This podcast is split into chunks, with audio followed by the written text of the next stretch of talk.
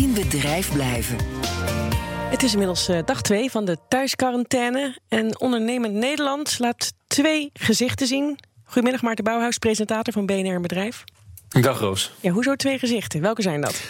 Nou ja, ik probeer zoveel mogelijk ondernemers in mijn omgeving uh, te spreken en, en, geluiden uit bedrijven op te vangen. En je ziet eigenlijk de zorgorganisatie, de levensmiddelenindustrie, als twee van de voorbeelden die natuurlijk steeds terugkomen, waar ontzettend hard gewerkt wordt.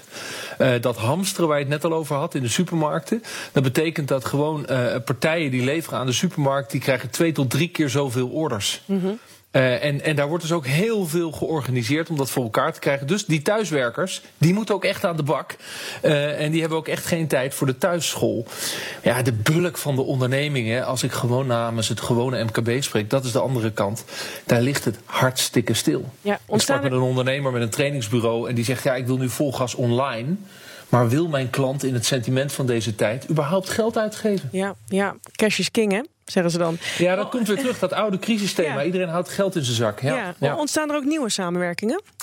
Ja, dat is, dat is wel een soort van rode draad in de verhalen die ik ophaal. Hè, met de berichten die ik uitstuur van vertel me je ondernemersverhalen. Uh, ik kwam een bericht tegen van uh, Martijn van den Broek, eigenaar van uh, Hamtenten en Podia. Die levert normaal voor grote festivals of sportevenementen, die nu ook worden afgelast zoals we net horen. En dan levert hij dus tenten, podia, personeel. Dat ligt allemaal stil. Maar hij wil de zorg helpen, omdat het kan en omdat hij de tijd heeft. Het idee komt eigenlijk vanaf, vanaf heel dichtbij. Ik zie gewoon de zorginstellingen uh, allerlei noodmaatregelen aan het nemen zijn. En dan wordt daar een directiesecretaresse die wordt gezegd: Nou, ga maar een tent regelen en ga maar iets regelen.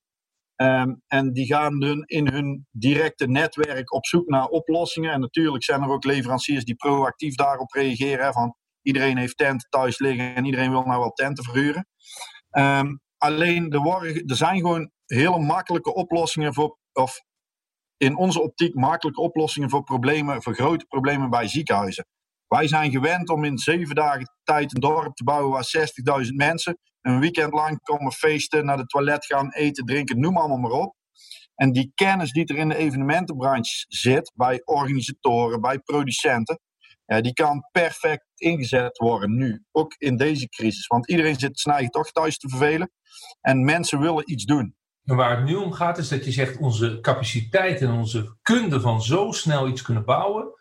Dat zouden we kunnen inzetten voor de zorg. Die oproep heb jij gedaan. En wat voor reacties kreeg je daarop? Ik heb het berichtje gedeeld van een uh, vriend van mij die uh, ook een evenementenbedrijf heeft. Ja, mijn social media is ontploft. En iedereen wil iets doen. Iedereen zit thuis en iedereen wil een bijdrage leveren. En mensen willen hun kennis en kunde inzetten. Alleen, nou moet er iets gebeuren om die... Er moet iemand komen en ik weet niet wie. Ik ben niet die persoon. Ik heb wel het idee, zeg maar. Maar er moet iets gebeuren dat we die kennis van de problemen van de zorg en de kennis van de evenementenindustrie uh, in elkaar vouwen en dat we die mensen kunnen gaan helpen.